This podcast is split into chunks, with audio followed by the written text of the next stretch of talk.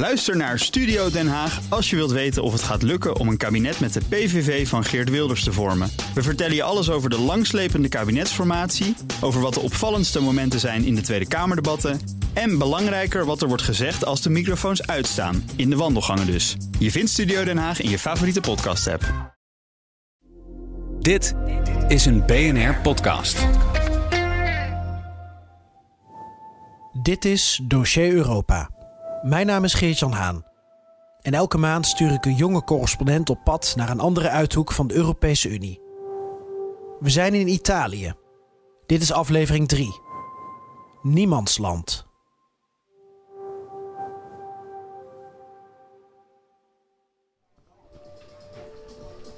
Dit is Ballero, de volksmarkt van Palermo. Het is hier een ware smeltkroes van keukens en nationaliteiten. De Siciliaanse hoofdstad staat van oudsher bekend om zijn diversiteit. Met vele verschillende culturele en religieuze invloeden die de mediterrane stad haar huidige gezicht geven. Een zwaardvis is het hoogtepunt van de viskraam. Olijven, gedroogd fruit, cannoli, Siciliaanse gebakrollen van ricotta en iets verderop aubergineschijven die worden gefrituurd. Een man baant zich op zijn scooter een weg door de menigte, tussen de kramen door. Generaties Sicilianen, gearriveerde Afrikanen, ze lopen hier door elkaar heen alsof het stadsbeeld nooit anders is geweest. Is Palermo daarmee een modelstad voor integratie?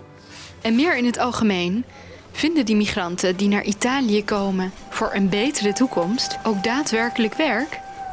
En hoe ziet dat er dan uit? Mijn naam is Anouk Bonen, Italië-correspondent voor het Financiële Dagblad.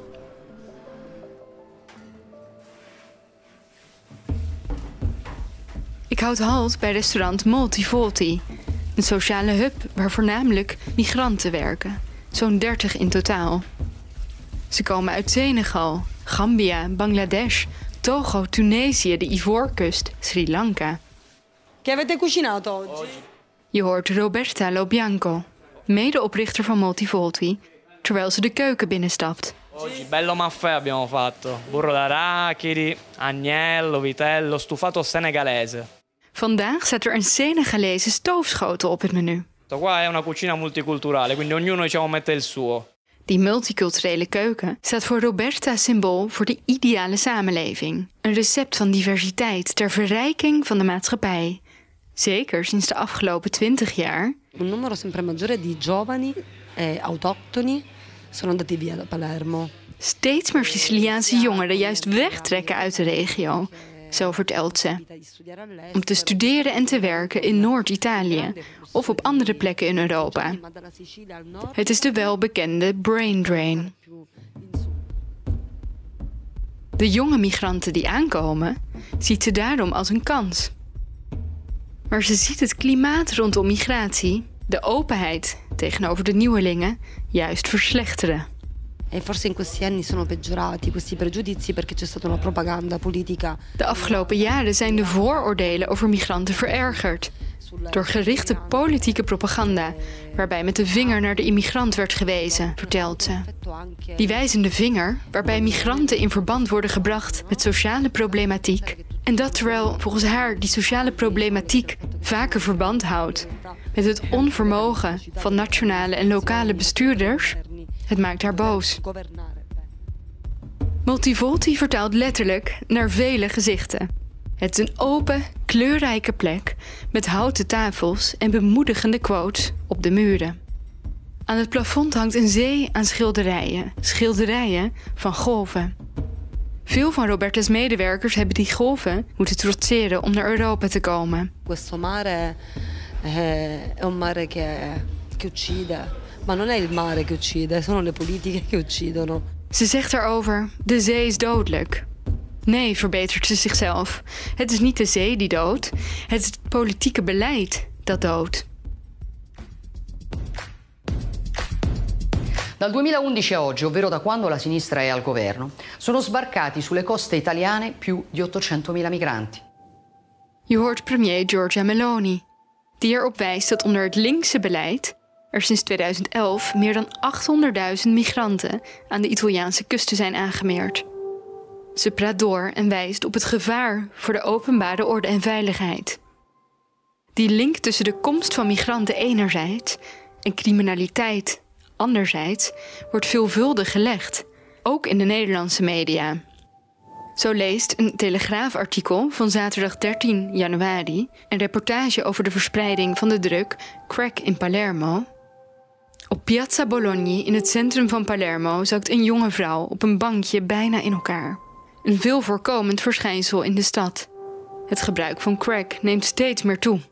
Vooral sinds een decreet van Lega-leider Matteo Salvini uit oktober 2018, waardoor er minder opvangcentra voor migranten kwamen, zegt Massimo Castiglia, die vlak bij haar staat.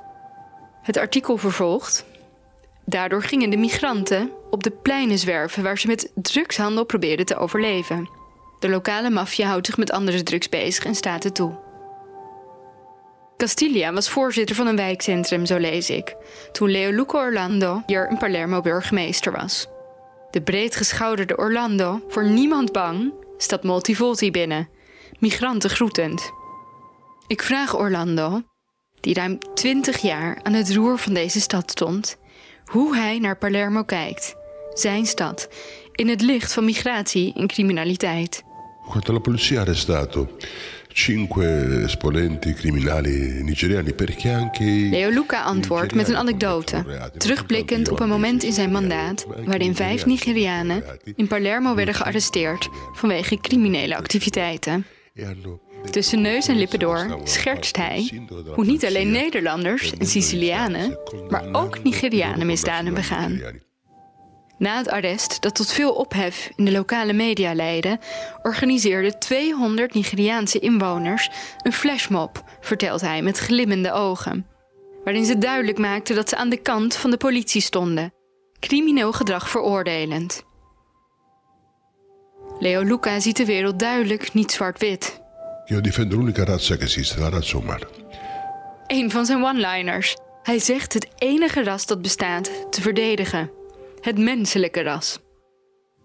Afkomst telt volgens hem simpelweg niet, net zo min als de beweegredenen voor het vertrek. Toch vraag ik of er verschil moet worden gemaakt tussen economisch en politiek migranten. Secondo lei dovrebbe essere una, dobbiamo differenziare tra il migrante economico e il migrante che fuga, magari per motivi politici? La mia opinione è che non bisogna fare differenze. Nee, zegt hij. Ook een economisch migrant vlucht voor zijn leven in een gevecht tegen een mogelijke hongerdood. e. Voelde hij zich met zijn open houding alleen gelaten door de landelijke politiek? Sono stato certamente lasciato solo, anzi avversato. Ja, zegt hij. Ik ben absoluut alleen gelaten. Tegengewerkt zelfs. Door figuren zoals de minister van Binnenlandse Zaken destijds. Daar komt hij weer, Matteo Salvini. Toen Leo Luca migranten registreerde, werd hem verweten een halve gade te zijn. Salvini dreigt het leger te sturen om het tegen te houden, voegt hij toe. Se accogli sei più sicuro. Maar volgens de oud-burgemeester gaan gastvrijheid en opvang juist hand in hand met veiligheid in een democratisch bestel. Want, zegt hij, migranten onzichtbaar maken, dat is gevaarlijk. Roberta valt hem bij.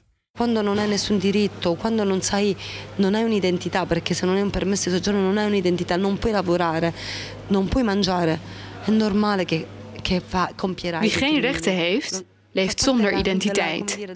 Zonder een identiteitsbewijs. Kan niet werken en dus niet eten. Natuurlijk ga je dan het verkeerde pad op, zegt ze.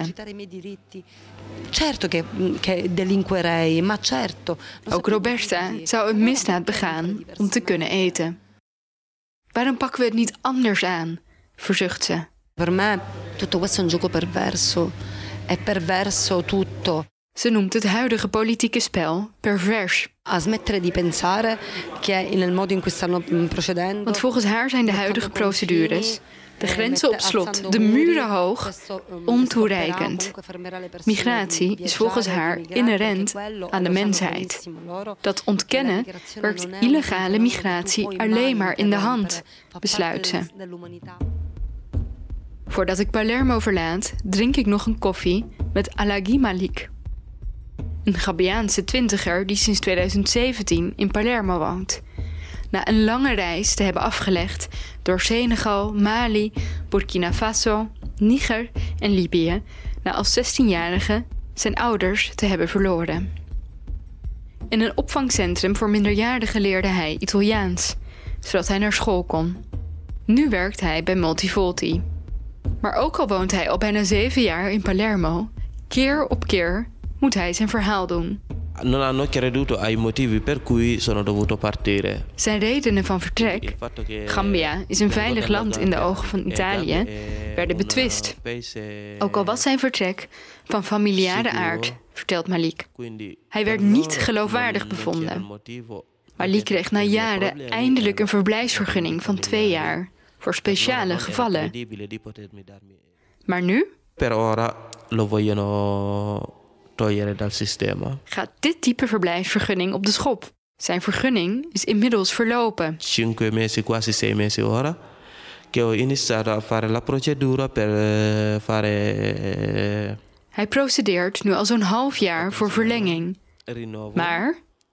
Ma ancora niente, mi dicono che ci stanno Tot op heden vangt hij bot. En dus leeft hij van dag tot dag. Come finirà o che fine farà. Hij kent veel jongens die dit overkomt. Già hai la paura di poter costruire qualcosa, ma alla fine non resterai. We leven al met de angst of we wel of niet iets kunnen opbouwen. Maar vervolgens ook met de angst of we wel kunnen blijven, zegt hij. Moet je toch weg? Is alles wat je hebt opgebouwd niks meer waard? Dit maakt me bang en ontmoedigt me. En met mij vele anderen, vertelt hij me. Zijn toekomst? Die plant hij al lang niet meer.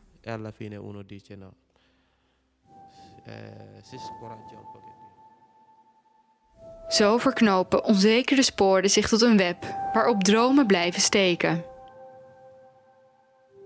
Het doet me denken aan de sinaasappelvelden van Calabrië, de tomatenplantages in Apulië. Niemandslanden, ontrokken aan ons oog, waar migranten onder erbarmelijke omstandigheden te werk worden gesteld. Ik ontmoet Ivan Sagnet, net terug uit Calabrië. Vandaar dat ik hem tref op het centrale treinstation van Rome, Roma Termini. Ivan weet als geen ander hoe de dromen van een zwart persoon in Italië uit elkaar kunnen spatten. Ero all'università al Politecnico di Torino, dove studiavo ingegneria. Hij studeerde voor ingenieur in Turijn, gearriveerd vanuit Cameroen na het winnen van een studiebeurs. Maar toen hij in zijn derde jaar een examen niet haalde, werd zijn beurs abrupt stopgezet. En daarmee ook de vergoeding van zijn studiekosten en huur. Hij had geen geld meer voor de universiteit. Geen geld meer om te wonen en ging op zoek naar werk. Maar in Noord-Italië vond hij niets. Een vriend tipte hem over iets in het zuiden. En zo kwam hij op 26-jarige leeftijd terecht in de hak van de laars, waar hij in de tomatenpluk kon werken. Hij wist niet wat hij daar meemaakte. Lì ho scoperto il lato oscuro di questo paese. Cioè mi aspettavo di trovare un lavoro come tutti gli altri. Ivan ontdekte de duistere kant van Italië. Waar hij normaal werk dacht te vinden, ontdekte hij een systeem van moderne slavernij, vertelt hij. Hij komt, tot zijn stomme verbazing, terecht in een enorm ghetto. Un grandissimo ghetto come vediamo Een plek met honderden, tja, kan je het huisjes noemen? Gebouwd van plastic en hout. Plekken die hij zich alleen voor mogelijk had gehouden in de favela's van Brazilië of in de sloppenwijken van Zuid-Afrika. Niet in Europa. Tanto che mi sono stupito, mi sono chiesto ma sono ancora in Italia oppure sono un altro paese? Maar het Europa van waardigheid en rechten bleken een regelrechte leugen. Per fare la doccia c'era cinque bagni Er waren vijf douches voor 1200 personen. De migranten moesten in de rij staan, soms uren, voor eten. Vlees waar de vliegen omheen zoemden. En Ivan verdiende amper voor al die kilo's tomaten die hij urenlang onder een brandende zon plukte. Een schamel loon van hooguit 40 euro per dag, blikt hij verbitterd terug. Maar daar ging nog het geld voor eten, drinken, transport naar en van de velden via een afdracht aan koppelbazen vanaf. De koppelbazen, de zogenoemde caporalen, een illegaal opgetuigd systeem van bemiddelaars. Het contrast met de universiteit kon niet groter zijn. Sono rimasto molto scioccato, molto arrabbiato. Ivan was gechoqueerd. Nog altijd maakt het hem boos. Over Afrika zegt men vaak dat het een arm continent is, zegt hij.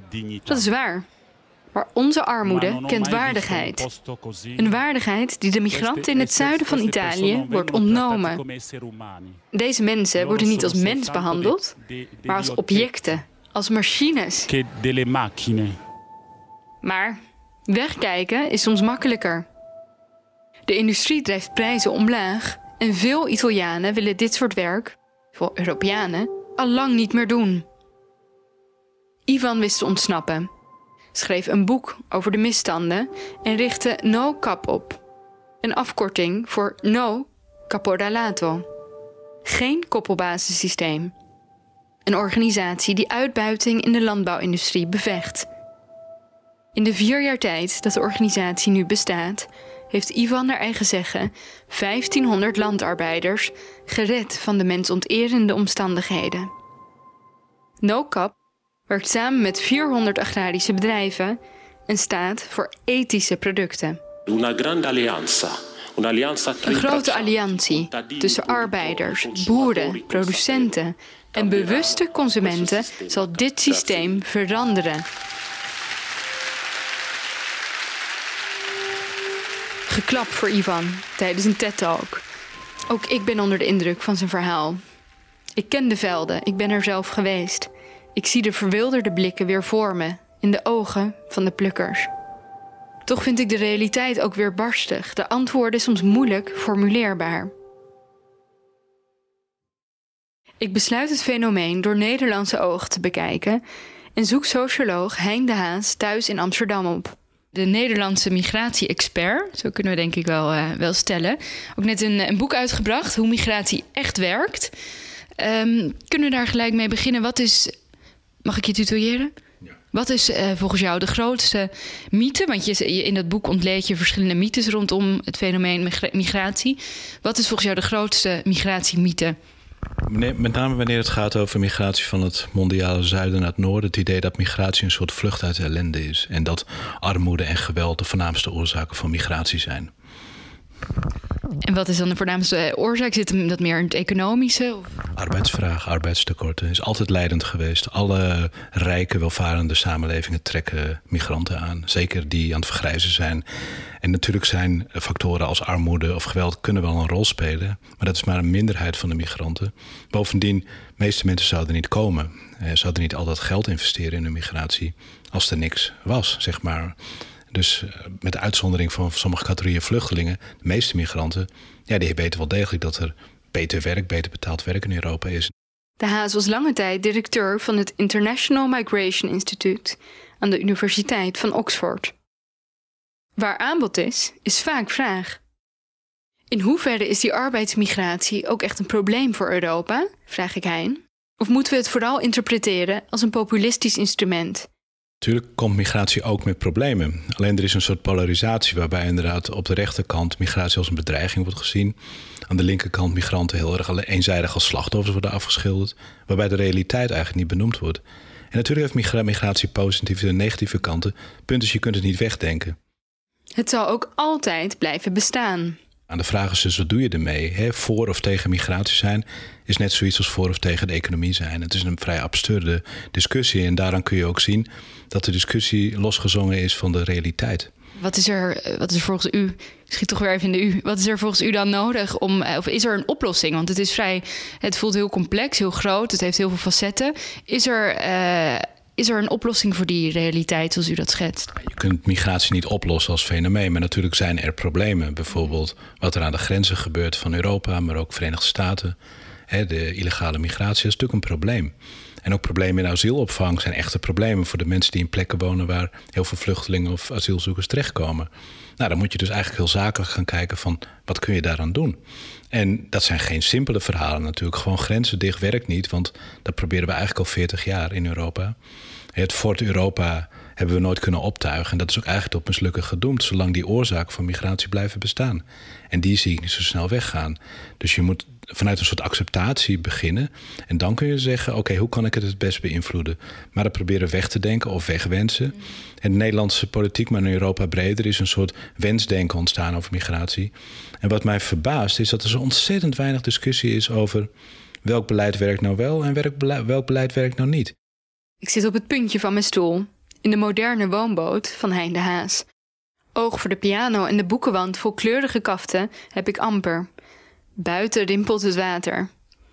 Mijn gedachten voeren me mee van de migrantenboten uit Lampedusa naar de Nederlandse kassen. Als je het over arbeidsmigratie hebt, kun je twee dingen doen.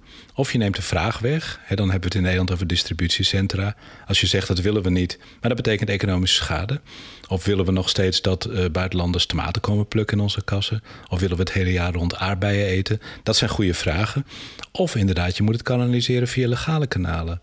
En we zien dus een enorme kloof tussen de harde retoriek van politici, met name op extreem rechts, en de praktijk waarin ja, economische lobby's heel sterk zijn en politici toch eigenlijk een oogje dichtknijpen voor illegale migratie en legale migratie gewoon toestaan, maar dat bereikt bijna nooit de krantenkoppen.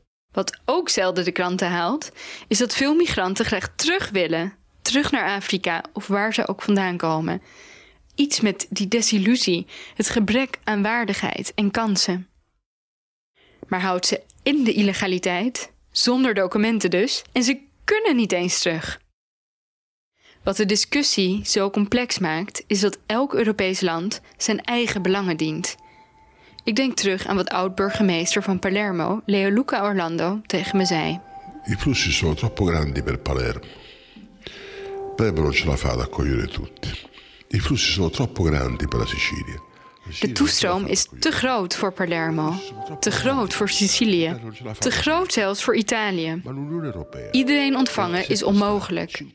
Maar, schetst hij, zijn we als EU, met 27 lidstaten en 500 miljoen inwoners, nog altijd te klein om iedereen te ontvangen?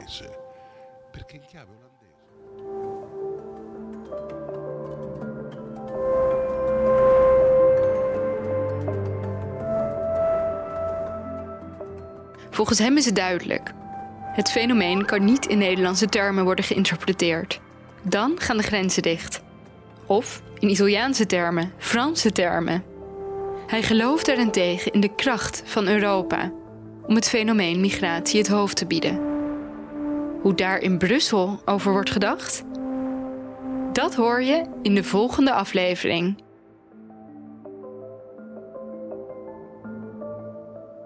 Dit was de laatste aflevering uit het drieluik van dossiervreter Anouk Bonen over Italië.